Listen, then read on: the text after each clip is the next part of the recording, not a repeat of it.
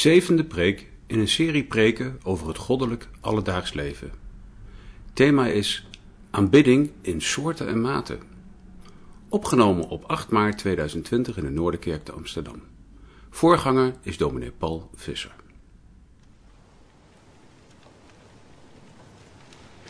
We lezen met elkaar nu uit de 96 psalm. Op allerlei manieren en momenten in de psalmen wordt Israël opgeroepen om, om God, de levende, de lof toe te zingen. En ze doen dat natuurlijk als een volkje te midden van de volkeren. Zo denken, waar halen ze de moed vandaan? Overschreeuwen ze zichzelf niet een beetje? Nee, het is de geest die het zelf uh, in het hart legt, op de lippen, ertoe inspireert, geloof schenkt om te zingen van Hem. Uiteindelijk heersen zal, van zee tot zee, overal. De volkeren worden intussen opgeroepen, ook wij dus, om met Israël die lof aan te heffen. Psalm 96, zing voor de Heer nieuw lied. Zing voor de Heer, heel de aarde. Zing voor de ik ben die ik ben. Loof zijn naam. Breng de boodschap van zijn heil van dag tot dag. Vertel onder de heidevolken van zijn eer, onder alle volken van zijn wonderen. Want de ik ben die ik ben is groot en zeer te prijzen. Hij is ontzagwekkend boven alle goden.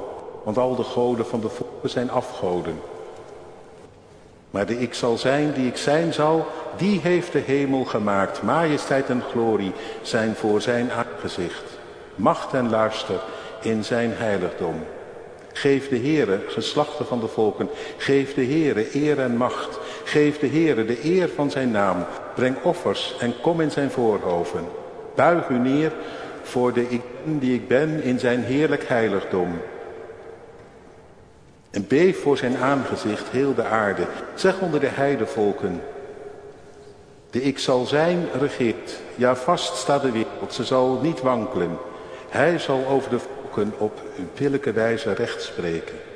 Laat de hemel zich verblijden en de aarde zich verheugen. Laat de zee bulderen met al wat ze bevat.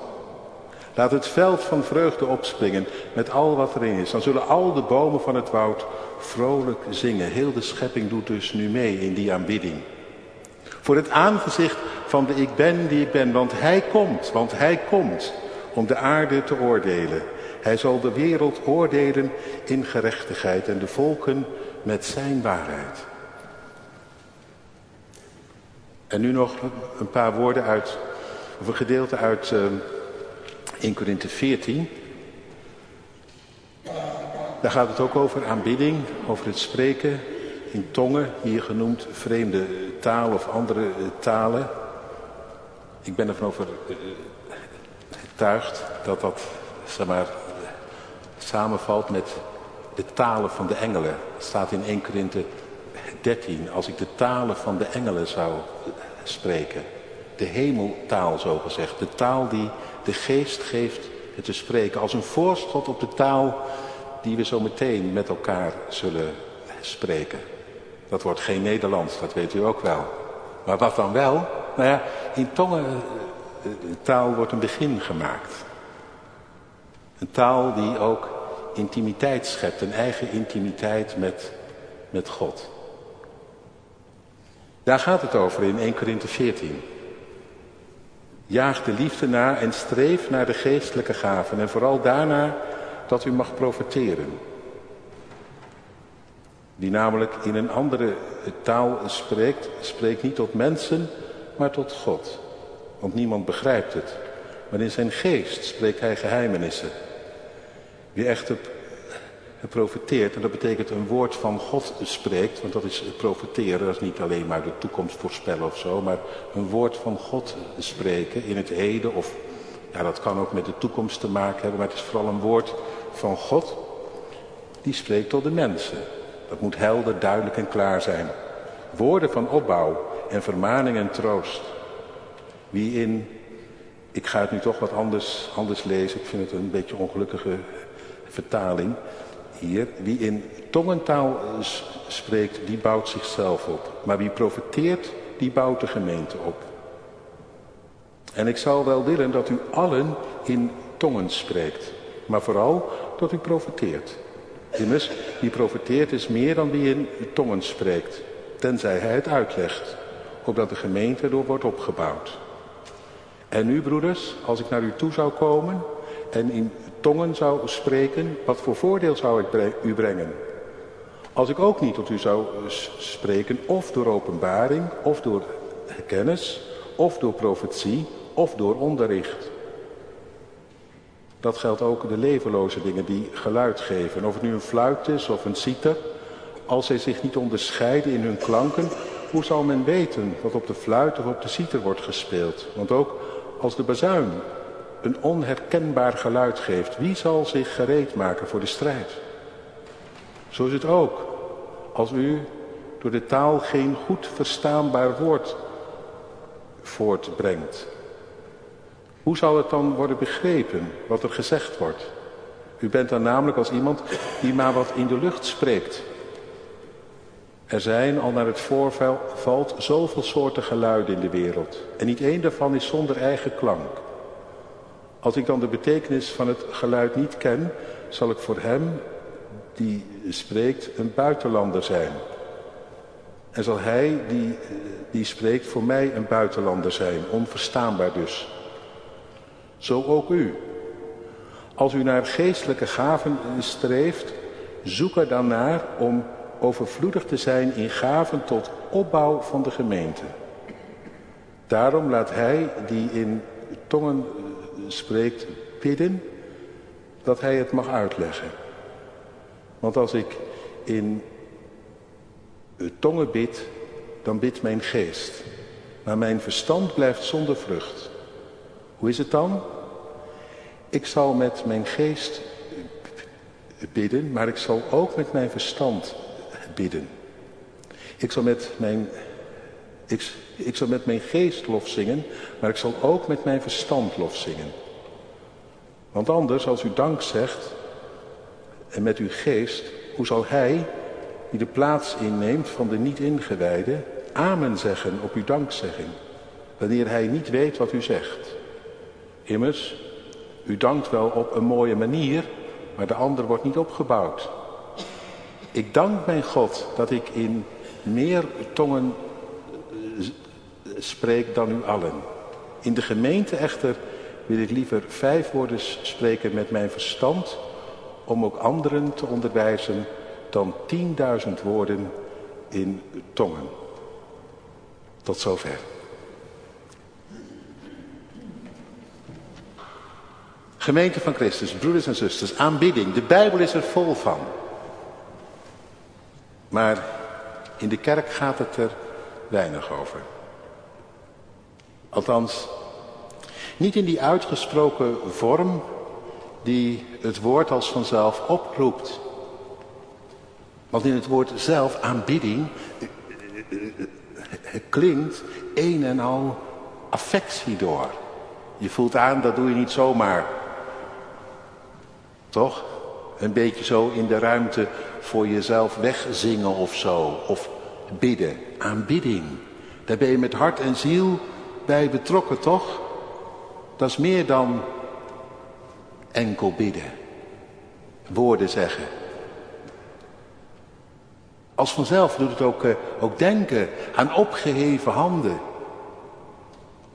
Aan een lofprijzing die van geen ophouden weet, die maar doorzingt en doorjubelt, net als die psalm die we net hebben gelezen.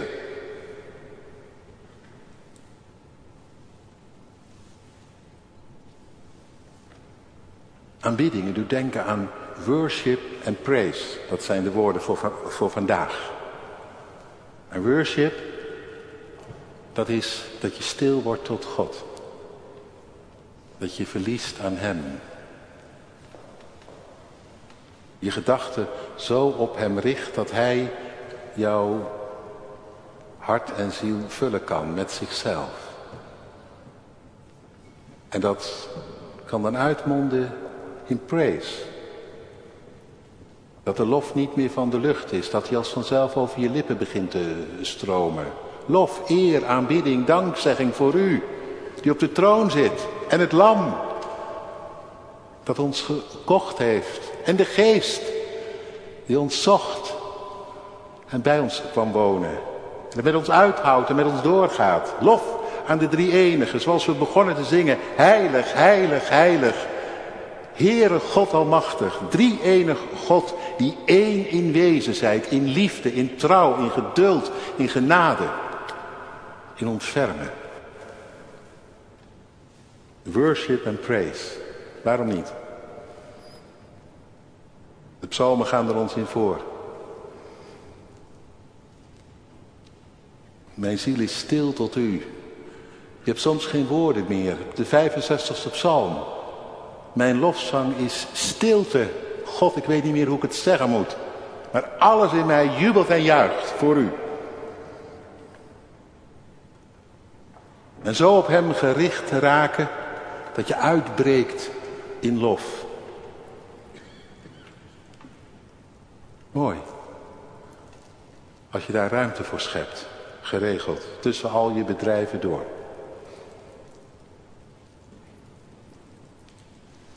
Raar als daar nooit van komt. Je daar altijd te druk voor bent. Met jouw gedoe.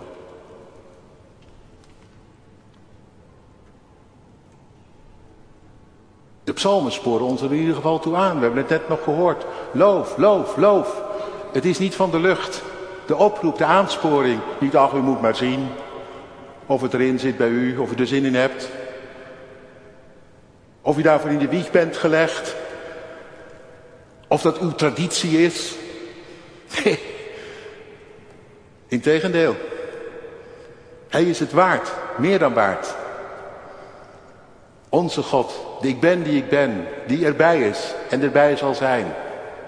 Die het voor ons opnam en het voor ons opneemt. Die is, die was en komen zou. Hij komt, hij komt. Hij heeft het laatste woord. Die God, weet je wel, die jouw leven is en jouw toekomst. Een God om van te zingen. Ja.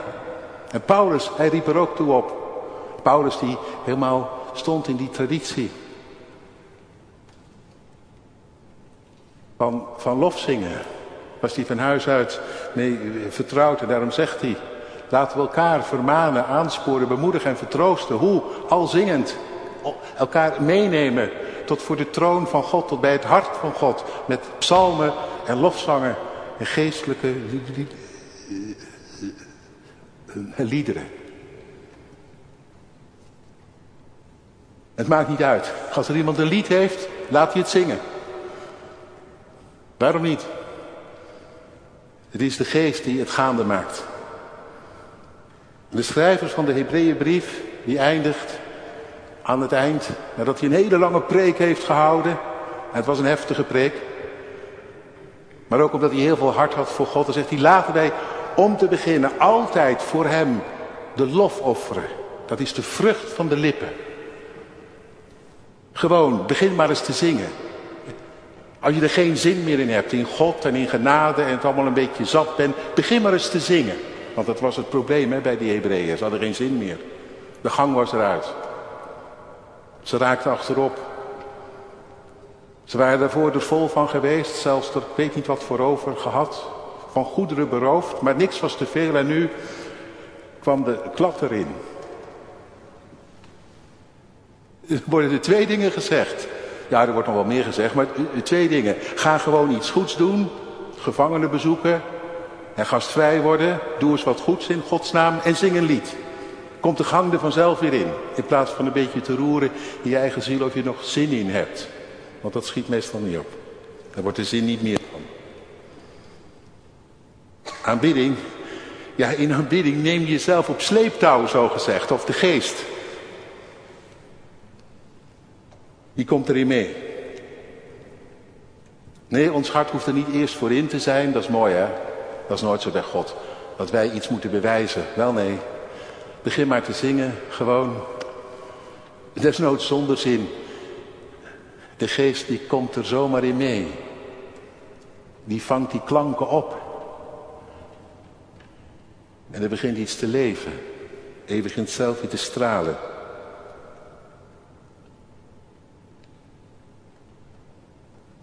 Worship en praise. Mensen denken vaak dat is iets voor de jongeren van vandaag. Nou ja, dat is ook wel zo. Maar Psalm 71 die zegt, het is net zo goed voor ouderen. En trouwens, in de Bijbel wordt helemaal geen verschil gemaakt hè, tussen jongeren en ouderen. Dat is natuurlijk iets van ons, dat begrijpt u ook wel. Maar Psalm 71, dat is een prachtig, uh, prachtige psalm. Er is iemand oud geworden en die verhaalt hoe het hem is vergaan vanaf de moederschoot. Moet je nog maar eens uh, gaan nalezen. Een prachtige psalm. En die zegt dan, is die intussen oud? En zelfs zo oud dat hij denkt, God, het kon wel eens niet zo lang meer duren dat hij, hij bidt, alsjeblieft mag nog een poosje leven om, om, om het, het nageslacht iets te delen van u. Mooi hè, als je zo oud bent. Dat is mooi oud worden. Maar, maar hij zegt ook aan het eind van dat lied dan, ik zal uw lof al groter maken. Kijk, dat schiet nog eens op. Worship and praise op je oude dag.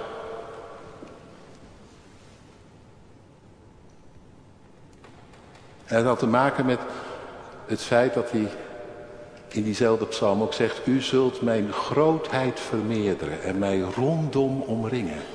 God, het wordt er niet minder op, het wordt er meer op. Nou goed. Worship en praise. Hoe doe je dat dan? Nou, ik heb het eigenlijk al gezegd. En we hebben het eigenlijk al gedaan. Om te beginnen door, te gewoon, door gewoon te gaan zingen. Door de liederen die we hier aanheffen. Van hem, van hem staat geschreven dat hij troont op de lofzangen van Israël. Dat is mooi hè? Zo houden wij hem hoog. Nee, we houden hem niet in de lucht. God zij dank niet zeg. Dan was het uh, niet best. Maar we houden hem wel hoog.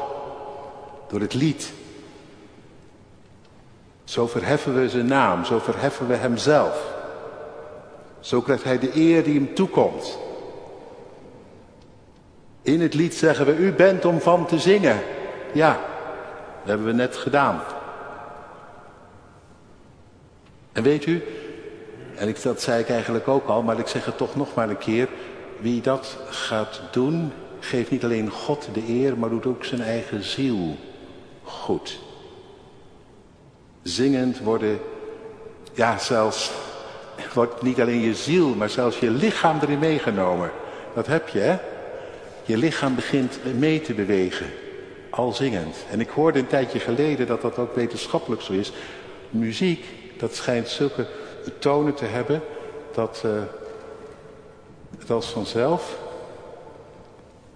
beweging geeft in het water. En wij bestaan voor heel groot deel uit water. Wist u dat? zie je zo niet, maar het is wel zo. En dan schijnt muziek, die schijnt als vanzelf een soort beweging in ons op gang te brengen. En ik hoef dat helemaal niet verder uit te leggen, want dat ervaar je. Als er goede muziek is, dan ga je als vanzelf ga je mee. Lichaam en ziel doen mee als je gaat zingen in de lof voor God. Mooi is dat. Aanbidding.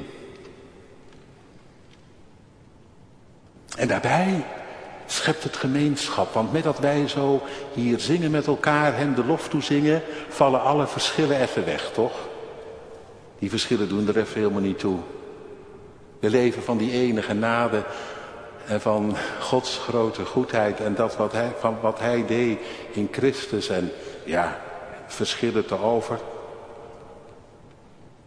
Maar intussen één in lof en eer en dank. Net als dat zometeen zal zijn, hè? Dat wat we hier doen is een klein voorschot nemen op zometeen. De ontelbare scharen rondom de troon. Nee, die gaan niet discussiëren wat ze gaan zingen, hoe ze gaan zingen. Die beginnen gewoon te zingen met elkaar en het stemt in één keer samen. En ze zingen één lied, een nieuw lied. Voor God en het Lam. Het jubelt en juicht. En het zingt maar door. Niet dat de hemel en de nieuwe aarde een eeuwig zangkoor is, maar dat er gezongen zal worden, reken maar. Alles zingt daar. Heel de aarde trouwens, zongen we ook in, werd ook in Psalm 96 gezegd. Alles zingt. Jouw leven begint te zingen. Ik weet nog van mijn vader, die een keer zei, hoe kan dat nou? Dat de bomen in de handen klappen en dat de bergen huppelen. Hebben u wel eens gezien? Nou, zei hij, Vroeger, Op Koninginnedag dan versierden we onze fiets. Misschien heb jij dat ook nog wel gedaan. Ik heb het nog wel gedaan vroeger. Dan versierde je fiets. Hij zegt, en dan, dan zong je fiets op Koninginnedag. Die zong gewoon. Die was zo mooi. Dan fietste je op en die fiets begon als het ware vanzelf te zingen. Nou, zoiets. Alles zingt. Op een dag.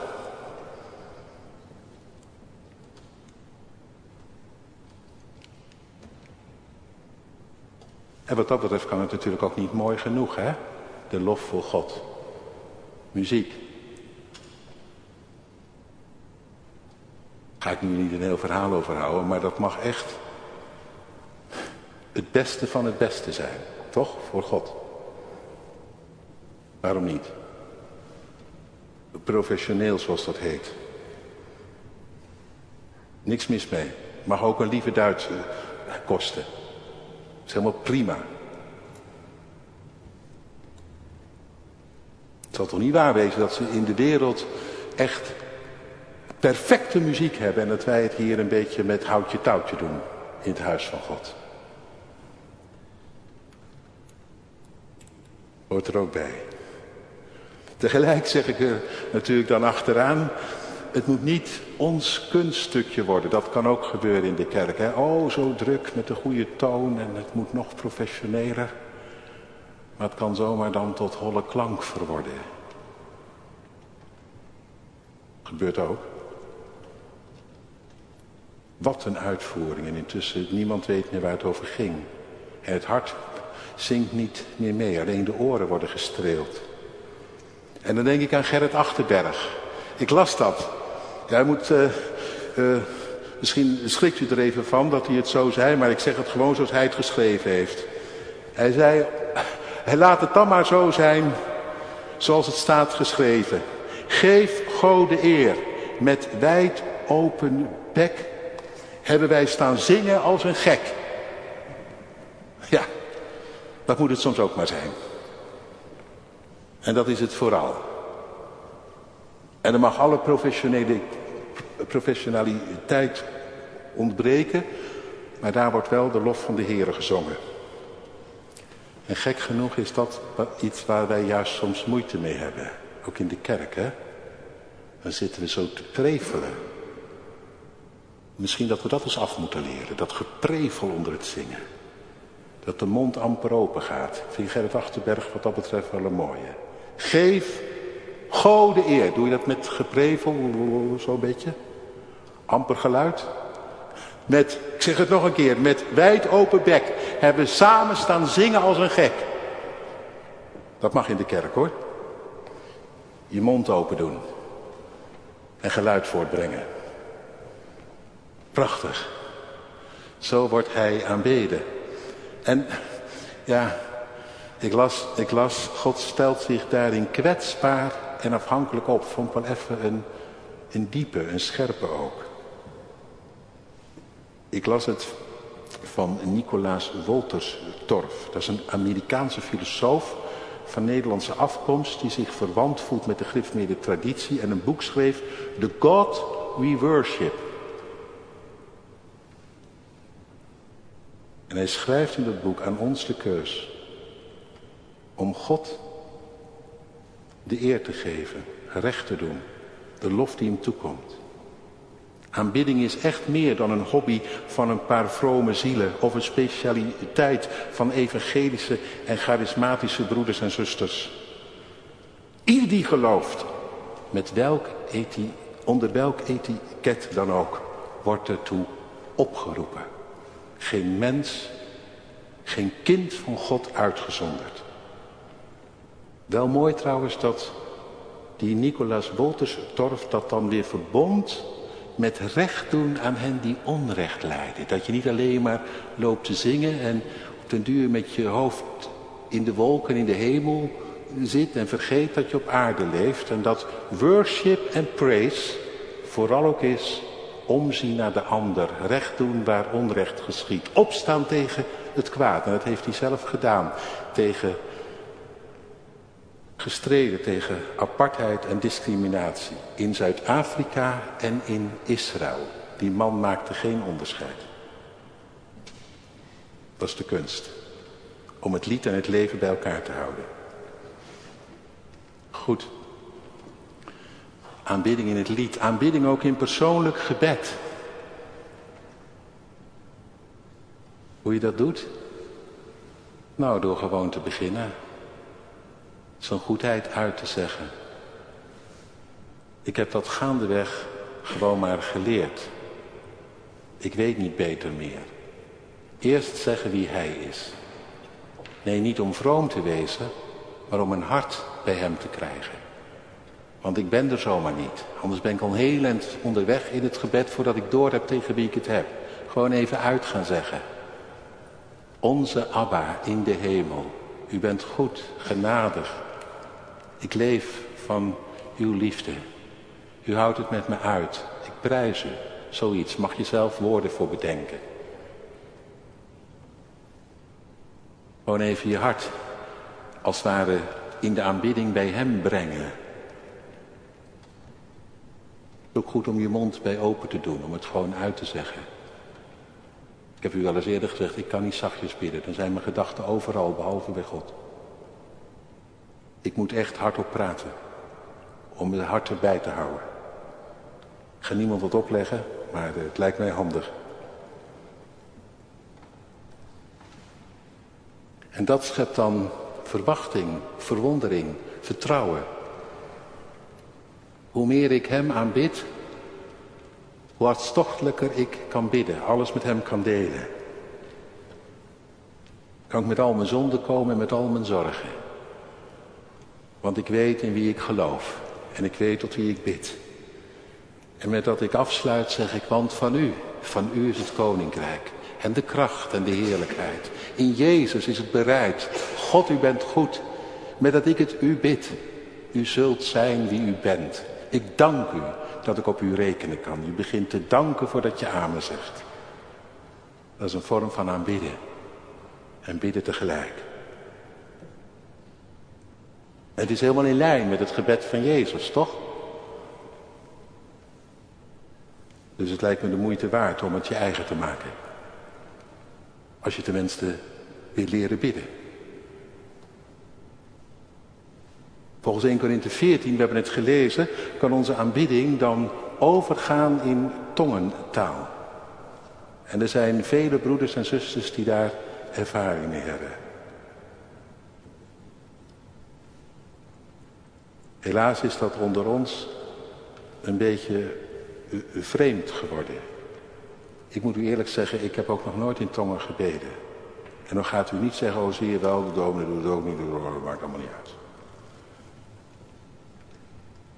Ik denk dat het echt een gebrek is onder ons. Dat we ergens een afslag gemist hebben.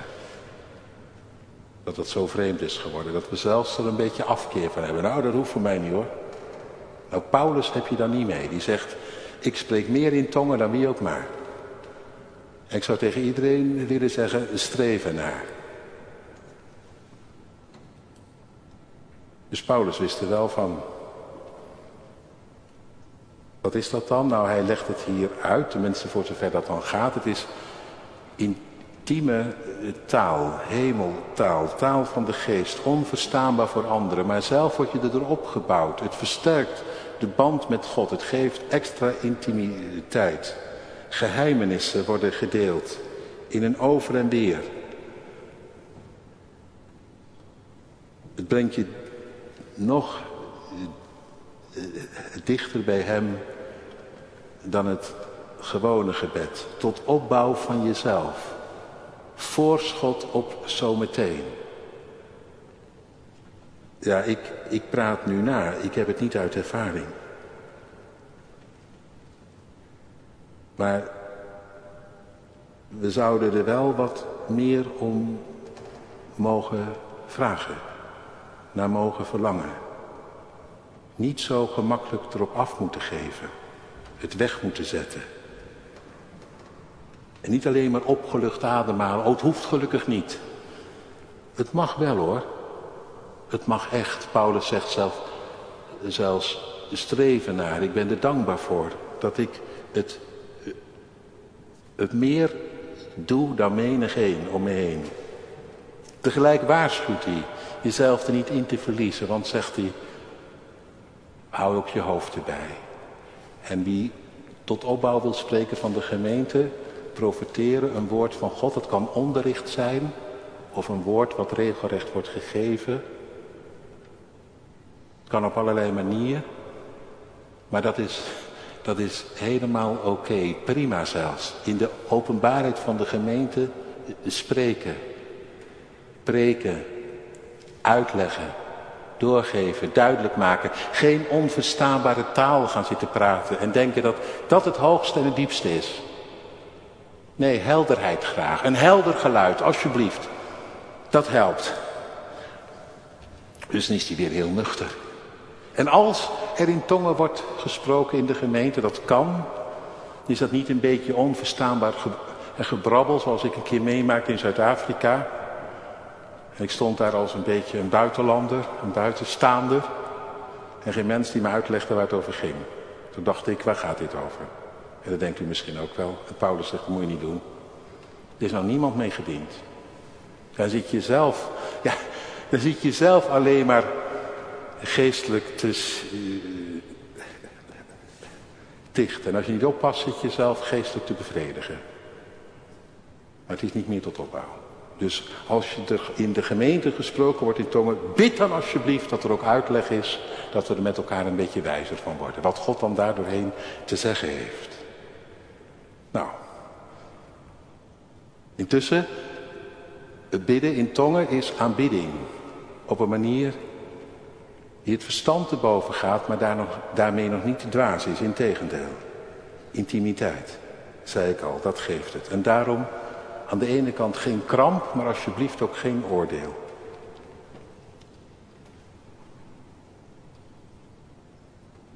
Goed, ik moet opschieten zie ik. Nog een enkel ding, om het toch even af te maken. Zonder iets af te doen van deze bijzondere gave van de geest, zou ik willen zeggen tegen ons allemaal. Toen Jezus ons leerde bidden, toen beval hij niet om te bidden in tongen. Want als je dat niet hebt, dan deug je niet, heeft hij nooit gezegd. Maar hij beval te bidden in klare uh, taal, gewoon met je verstand. Je komt nog leren ook, de woorden. Onze Vader, die in de hemelen zijt, als u bidt, zeg dan. En aan die woorden heb je genoeg. En ook, ook dat, dat nabidden, meezeggen met hem, is aanbidding. Waarom? Omdat je dan al je eigen wijsheid voorbij bent en bidt als hij met hem mee bidt. En daarin God laat zijn wie die voor jou wil wezen. Want in dat gebed wordt eigenlijk gevraagd om alles wat God voor je heeft. Dus als je dit gebed bidt, geef je God de eer. En laat je hem voor jou zijn wie die voor je wil wezen.